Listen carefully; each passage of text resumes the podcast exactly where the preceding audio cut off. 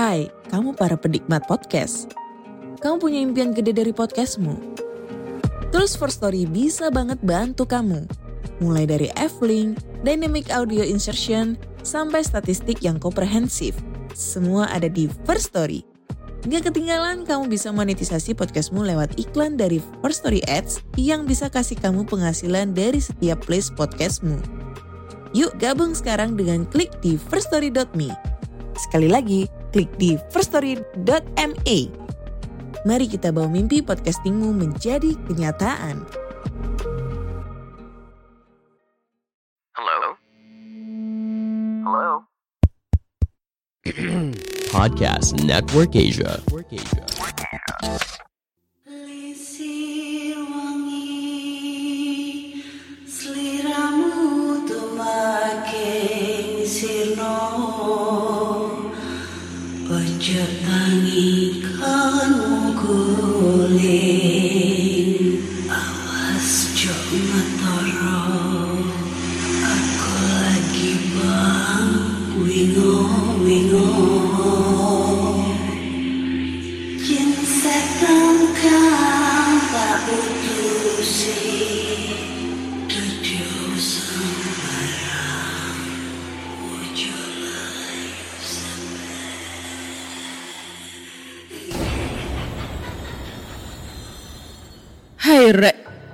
apa kabar Ketemu lagi dengan aku si Ana di podcast kisah horor.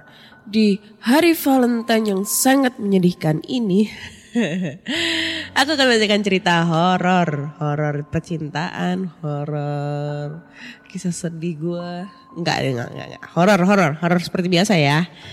Em, Melalui email podcastkisahhoror@gmail.com atau Google Form ataupun juga DM Instagram. Nah, ini hari Valentine coy. Gimana? Hari Valentine kalian apakah eh, sangat be- berkesan sekali gitu ya? Ada yang mau ngirim coklat atau mungkin ngirim bunga atau mungkin dilamar nih sama pacar eh, setelah sekian purnama ya di hari Valentine ini. Wih, pengen banget coy. Kalau aku sih seperti biasa ya karena emang gue lagi jomblo dan di di hari Valentine Valentine Valentine yang sebelum sebelum sebelum sebelumnya tuh juga nggak pernah ada yang ngasih gua bunga coklat gitu kan. Jadi ya biasa aja kalau aku mah Valentine. Ya berharapnya sih kalau ada yang mau ngirim coklat ya alhamdulillah kali ya ditampung nih ya. Kalau ada yang mau ngirim coklat ya ya ya ya ya ya ya. Kode kode ya ya. Ya ya itu aja lah pokoknya gue nggak mau ngejelasin sih. Sedih kalau apa di bulan kasih sayang ini jarang banget. Ada orang yang memberikan aku sebuah kasih sayang selain orang tua ya. Maksudnya orang terkasih gitu.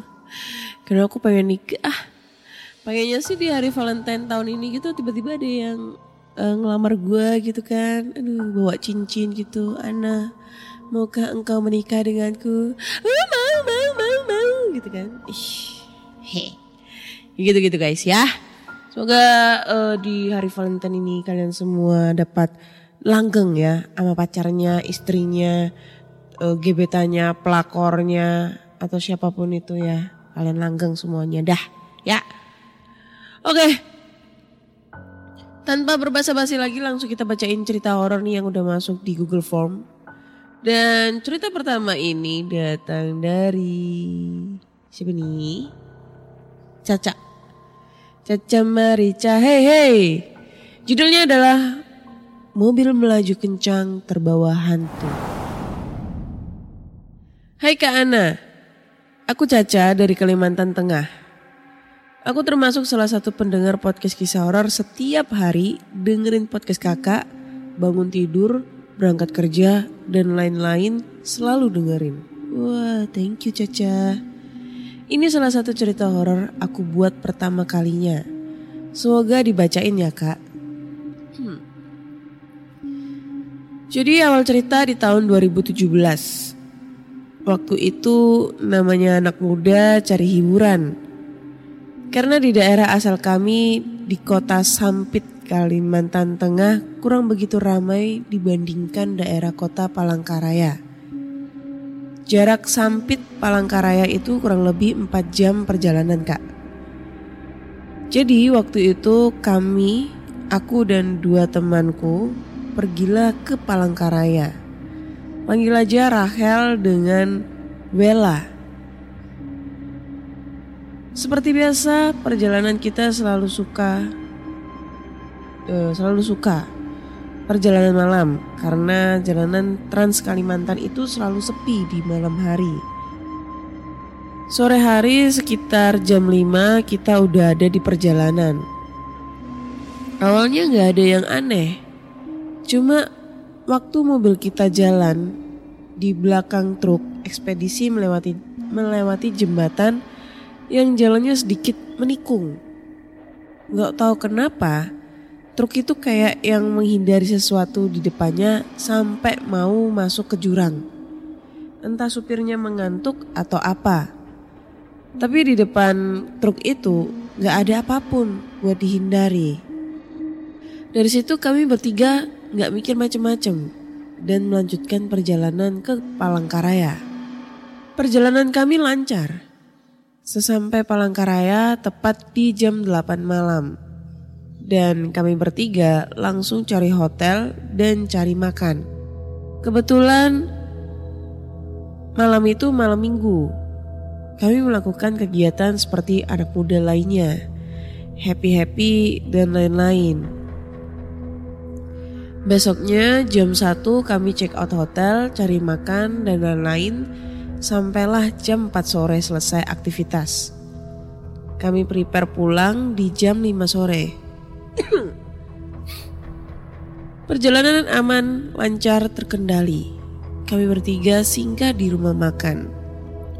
Emang itu tempat singgah orang yang melakukan perjalanan ke Sampit, Palangka, atau sebaliknya. Setelah makan dan lain-lain, kami melanjutkan perjalanan. Setelah maghrib, karena Rachel lelah menyetir, aku gantian buat nyetir mobil. Di perjalanan, aku membawa mobil santai karena ini masih suasana maghrib. Aku gak berani bawa mobil ngebut. Cuma kenapa aku kayak yang melamun. Dalam hati aku ngomong sendiri. Kita selalu perjalanan malam. Bertiga cewek semua. Gimana kalau ban bocor? Siapa yang bantu?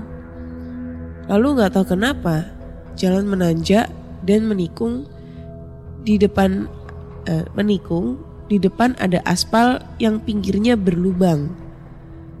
Mobil kita masuk lubang itu dan alhasil ban depan kiri dan belakang langsung bocor dua-duanya.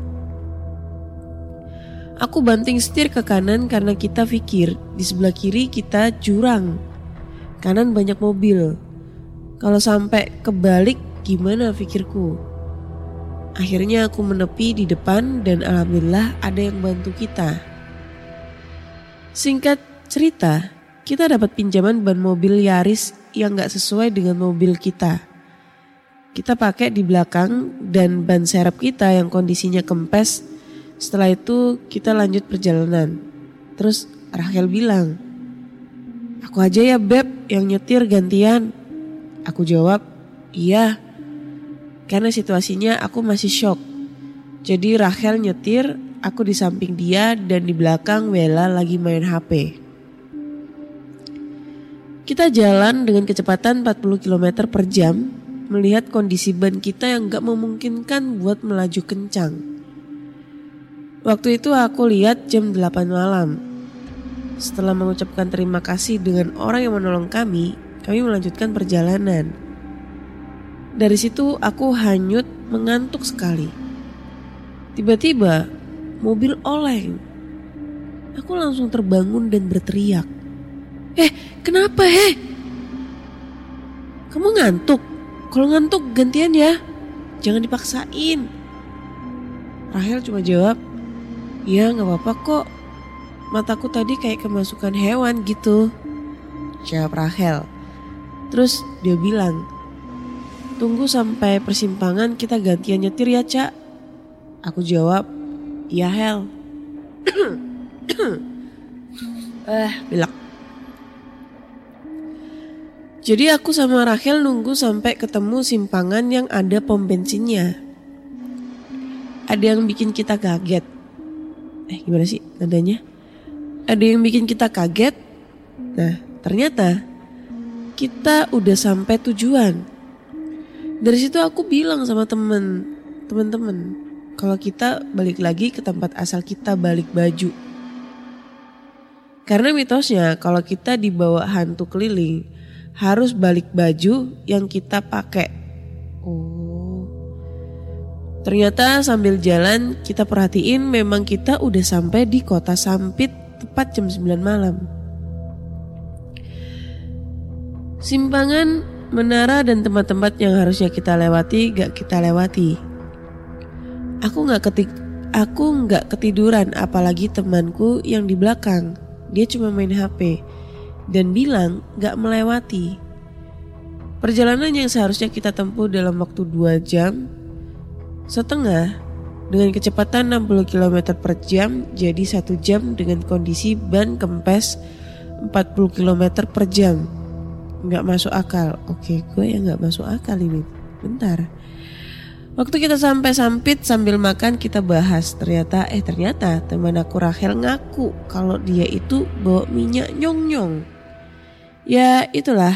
Ngerti kan mbak Ana oke. Cukup sekian cerita aku yang panjang lebar ini. Mudahan mudah-mudahan dibacain dan mudah-mudahan tulisannya bisa dimengerti kak ya. Karena aku bikin di HP kalau rame aku nanti kirim lagi karena masih banyak cerita hororku. Bentar, thank you Caca sebelumnya ya. He. Gua agak bingung dengan kata-kata dia. eh balik baju. Ntar dulu, di mana ya? eh dia bilang yang ini nih, dia kaget karena eh, kita udah sampai tujuan. Dari situ aku bilang sama temen, kalau kita balik lagi ke tempat asal kita. Kita balik. Oh maksudnya kalau kalau dianya udah balik lagi ke tempat asalnya maksudnya udah nyampe ke tempatnya dia itu mereka harus balik baju gitu loh balik ba- pakaian mereka gitu ya. Ya yang nggak wajar yang mananya ya? Oh yang nggak wajar ini katanya. Seharusnya perjalanan mereka itu dua jam setengah tapi mereka nyampe sejam dengan kondisi ban kempes 40 km per jam. Gak masuk akal. Ya mungkin waktu itu Hel, Hal, eh salah sih, Cak. Lu ini dilewatin jalan alternatif kali ya. Tapi efek dari itu apa? Maksudnya efek dari kalian pulang cepet itu nyampe nyampe cepetnya itu apa gitu kan? Eh bisa jadi itu kan perjalanan satu jam itu karena lu dari tempat ganti ban itu kan, terus sampai ke Sampit. Dalam arti kan itu sudah setengah perjalanan itu coy. Jadi ya kehitungnya cuma sejam doang gitu. Kan lu nggak tahu berapa jam itu ganti bannya, nyari pertolongan dan bla bla blanya itu sebenarnya ganti ban dua ban itu juga memakan waktu lumayan lama. Satu ban itu kalau misalnya orangnya yang ganti ban itu sangat cak cak cak cak sekali ya. Tap tap tap tap gitu ya. Itu 15 menit udah, udah selesai. Nah kalau misalnya eh, orangnya ini agak lelet ya setengah jam lah itu baru selesai itu. Itu satu ban loh ya. Dan itu dia gantinya dua ban. Bisa jadi kurang lebih satu jam selesainya itu. Jadi kemungkinan nih ya cak ya. Kita ambil positif thinkingnya gitu ya. Kemungkinan itu eh, perjalanan kalian itu satu jam itu karena dihitung dari lokasi tempat kalian ganti ban sampai menuju rumah. Kayak gitu. Tapi walau alam ya, menurut kepercayaan masing-masing ya, karena kita tahu sendiri daerah Kalimantan itu eh, terkenal dengan daerah yang sangat mistisnya ya, Eh, horor horor sekali. Banyak sekali cerita dari podcast kisah horor ini yang masuk ini ceritanya di daerah Kalimantan itu eh, serem-serem. Yang ada kuyang, kuntilanak di gunung apa itu? Salak, eh gunung salak, gunung rambutan atau apa itu gue lupa. Terus habis itu eh, kuntilanak di proyek itu, habis itu eh banyak banget lah. Jadi eh, Kalimantan itu banyak banget hal-hal kejadian horor di sana gitu ya. Thank you Caca buat ceritanya. Kalau mau kirim-kirim lagi nggak apa-apa silahkan kita tampung mah ya. Aduh, Caca Marica, hey hey. Next kita lanjut ke cerita berikutnya nih ya. Cerita berikutnya ini datang dari email. Aduh, pilek lah. Judulnya adalah Tak ingin berteduh. Eh, gimana sih? Tak ingin aku berteduh di rumahnya. Wah. Hai Kak Ana yang cantik dan baik hati yang kusuka gaya dan cara penyampaian kisah horornya yang natu- natural menurutku apa adanya ceplas-ceplos mengalir seperti aliran sungai Mahakam yang tenang-tenang itu tapi menghanyutkan. Wah, panjang anjay. Enggak ah, banyak yang hujat kok. Banyak netizen yang hujat lu. Ada-ada lu, suka ngada-ngada. Ini ada lagi kisah yang aku kirim. Semoga terhibur. Siang hari itu saat melajukan motor dari Kota Raja menuju Samarinda Kota. Wah, cerita dari Kalimantan lagi ini ya. Tiba-tiba hujan deras turun. Sedangkan sinar matahari masih bersinar cukup terik di sekitar ketinggian 75 derajat dari dataran bumi. Secara refleks otomatis pikiran mencari cara agar gak basah. Dari kejauhan kelihatan rumah yang lumayan bagus bentuknya dengan cat warna putih. Tanpa pikir panjang saya singgah untuk berteduh. Gak ada pikiran aneh-aneh, biasa aja sih waktu itu. Selang semenit berdiri menunggu hujan turun, kok ada air netes dari atas. Aku mendongak, gak ada yang bocor. Tapi tetap ada air yang netes. Aku geser tempat selangkah. Nah, sekarang aman. Kemudian terdengar pintu di belakangku terbuka. Saya menoleh dan seorang perempuan parubaya keluar dari dalam rumah. Kau manusia, kenapa bisa berada di sini? Perempuan itu ngomong dengan wajah menyelidiki. Maaf bu, saya numpang berteduh aja sampai hujan reda. Kau bisa melihat tempat ini? Perempuan apa nih? Oh, perempuan itu bertanya lagi. Iya bu, rumahnya ibu bagus. Model zaman dulu. Aku menjawabnya. Hai anak manusia, deng deng. Oh salah. Hai anak manusia, jangan di sini. Segera pergi dari tempat ini sebelum suamiku datang. Kenapa memang bu? Suamiku suka dengan darah manusia. Takutnya kamu akan bernasib sama dengan orang-orang yang mati di daerah sini.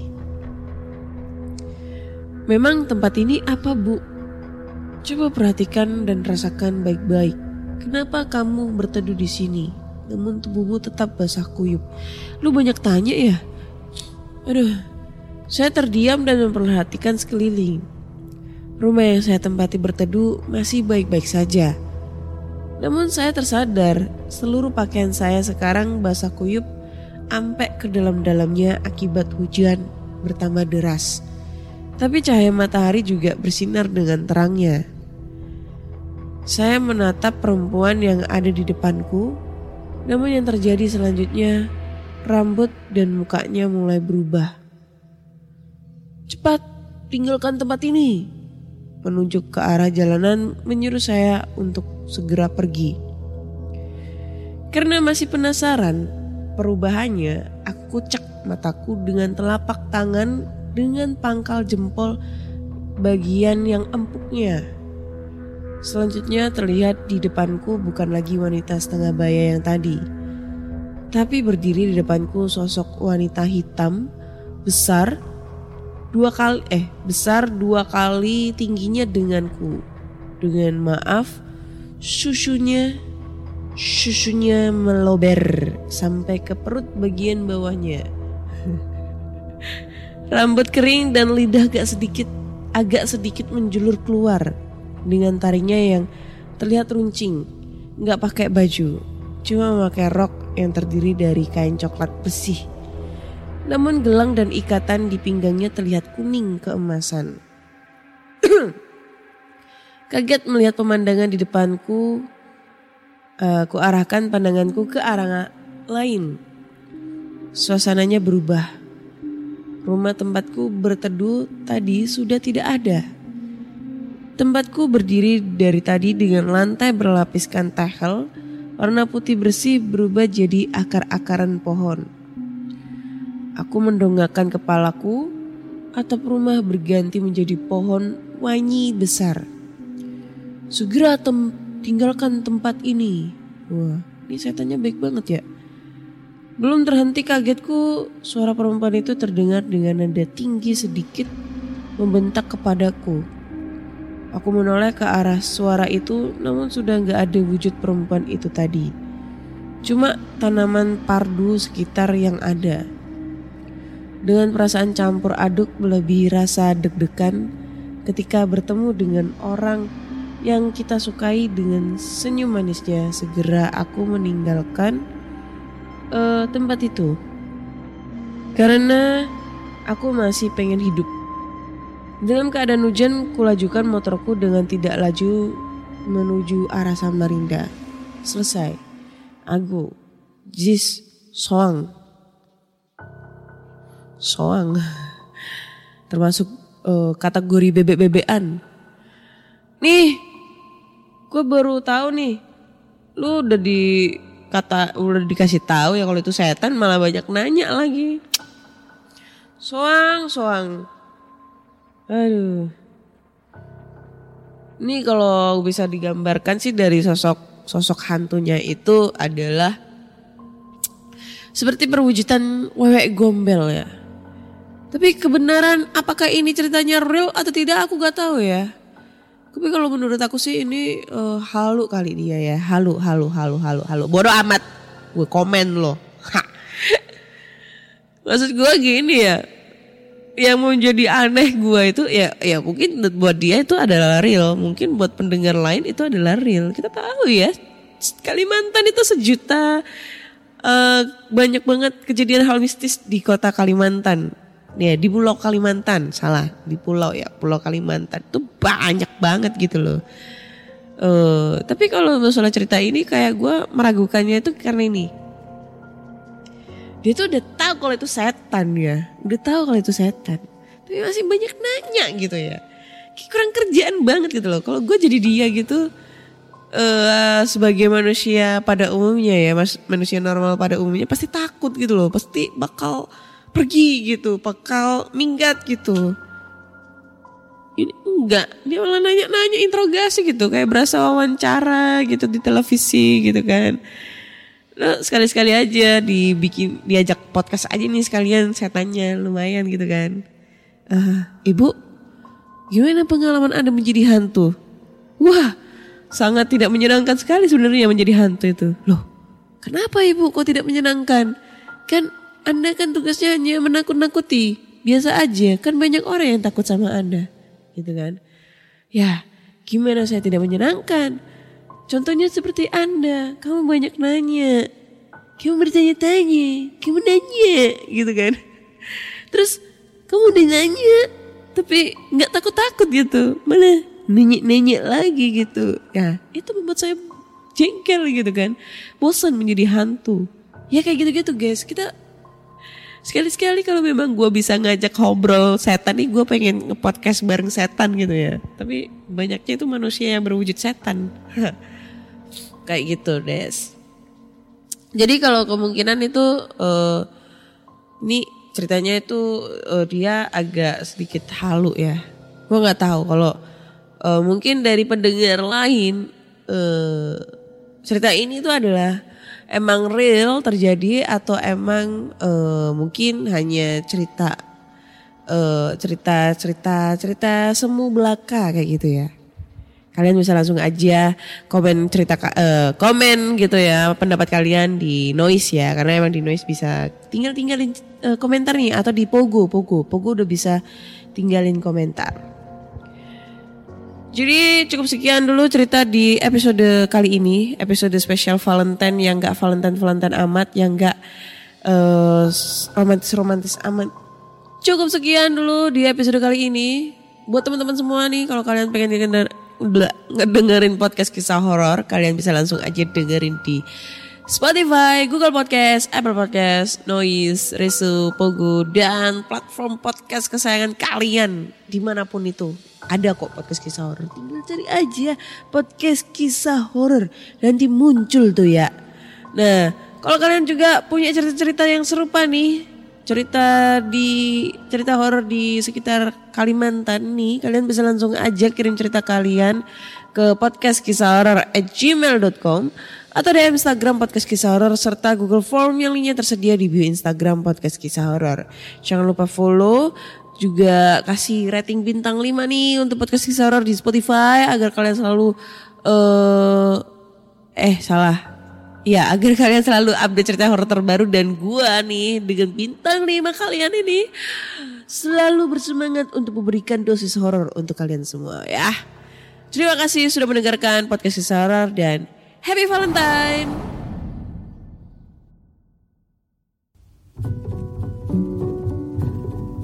Pandangan dan opini yang disampaikan oleh kreator podcast, host, dan tamu tidak mencerminkan kebijakan resmi dan bagian dari podcast Network Asia.